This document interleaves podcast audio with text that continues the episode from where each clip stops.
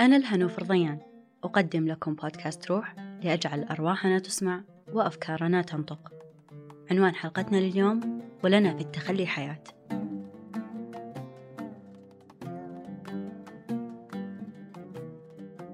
تخيل أن تنام دون أي ثقل على قلبك أو عقلك وتستيقظ وأنت متأكد من أنك قادر على إنجاز مهامك دون تشويش أو عقبات وستحظى بمحادثة دون أن تحاسب نفسك ألف مرة. فلا تخشى لوم أو حكم. وأن تعيش ببساطة التعبير فلا تخفيه خلف عدد من الأقنعة ولا تتصرف بعكس ذلك. كل هذا ستشعر به عندما تتعلم معنى التخلي. فكم منا يعيش على فكرة الحفاظ حتى يكمل حياته دون نقص ولم يفكر بعكس ذلك. فمثلا العلاقات السامة التي تعيق تقدمنا والتي أصبحت كالغمامة مع مرور الوقت فتعيق رؤيتنا للمستقبل وتعيدنا في كل مرة لنقطة البداية كلما حاولنا أن ننطلق. وتلك التي أثقلت كواهلنا واستنزفت مشاعرنا دون جدوى ولكننا نتمسك بها خشية الفقد أو تقديرا للعشرة. ولو فكرت في التخلي عنها قد تخسر الشخص. لكن ستكسب نفسك. وأعتقد أن هذا يكفي. تعلم أن تكتفي بذاتك أولا ثم تدخل لحياتك العلاقات التي تزيدك لا تنقصك وتشجعك لا تثبطك. العلاقات الصحية التي تكون معها بسلام وحرية.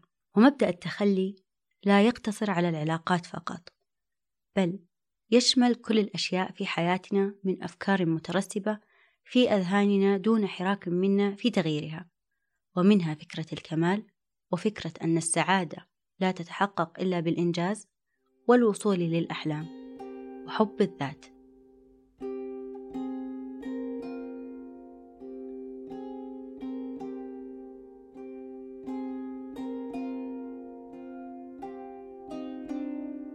الكمال لكل منا منظوره الخاص عن الكمال. منا من يراه كمال علمي اجتماعي أو حتى ثقافي وقد يقتصر على الجمال الخارجي.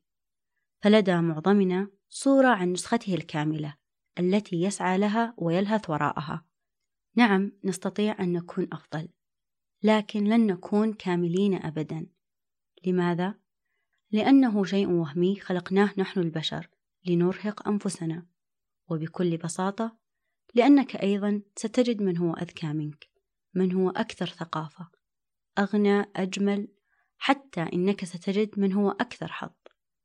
لكن هذا لا يجعلنا ناقصين أبدا فكل منا لديه ما يميزه. فتخلى عن فكرة الكمال لكن اعمل على فكرة النسخة الأفضل منك.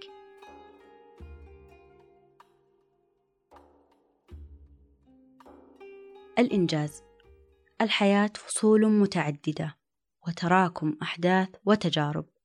لكننا للأسف نريد أن ندمج الفصول مع بعضها البعض ونقفز من الفصل الأول إلى الأخير. نريد سرعة الوصول سرعة الإنجاز وسرعة الفرح. لا أعلم إذا كانت طبيعة حياتنا التي تعتمد على السرعة تتطلب ذلك فنحن دائما نخشى أن يفوتنا شيء أو يسلب منا ونخاف من فكرة القصور ولوم الذات. فنبدأ بالركض في ميدان الإنجازات كل ذلك حتى نشعر بالرضا. لكن للأسف عندما نصل يكون زوال الشعور سريع كسرعتنا له. فلنتخلى عن فكرة اللهث وراء الإنجازات ونستمتع بالرحلة.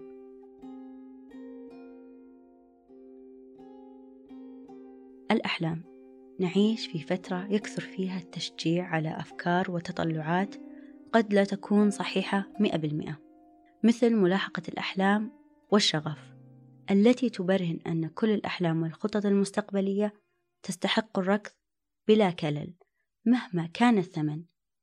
لكن السؤال هل كل الأحلام تستحق هذه الحروب والتنازلات والتضحيات؟ فهناك نظرية تقول كن شغوف بما تتقنه لا ما تحلم به أو تبحث عنه.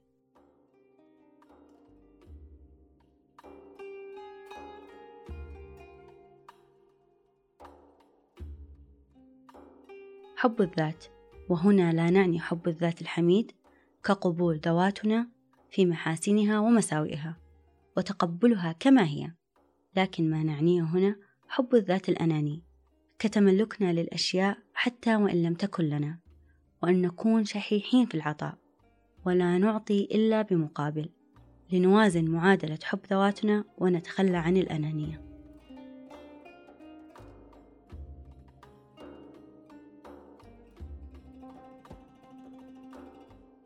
السلبية. عقولنا البشرية وببساطة تنحاز للجوانب السلبية وتتجاهل كل ما هو إيجابي سواء في شخصياتنا أو أعمالنا أو حتى طريقة حياتنا. وهذا ما يسمى بالتحيز السلبي. فلو لاحظنا أن الأخبار التي تنقل وتنشر بسرعة وتصبح متصدرة المشهد لعدة أيام هي الأخبار السلبية. فكم منا قبل أن ينام أو عندما يبدأ بالعمل على مشروع ما تنهال عليه زخم الأفكار والكلمات السلبية وتتطاير في عقله دون توقف.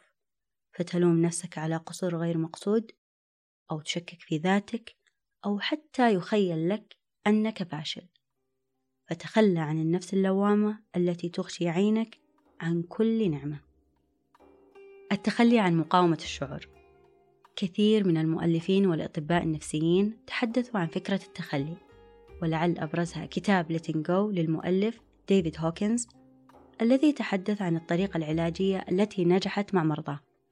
الاختبارات السريرية بطريقة التخلي والتسليم والتي تحكي عن التوقف عن مقاومة شعورنا من غضب وفرح ومشاعرنا الكامنة. وهناك قاعدة ناجحة في كثير من أمور الحياة وهي إعطائنا لكل شعور حقه.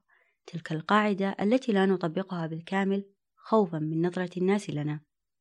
فالصغير عندما يبكي نقول له توقف فأنت رجل والرجال لا يبكون. وعندما نتأثر على مواقف عابرة مرت بنا يقال أننا ملوك الدراما وعندما نفرح يشعرون أننا قد بالغنا بتلك الفرحة لأننا لسنا أول من حقق هذا الإنجاز ولم نأتي بشيء جديد.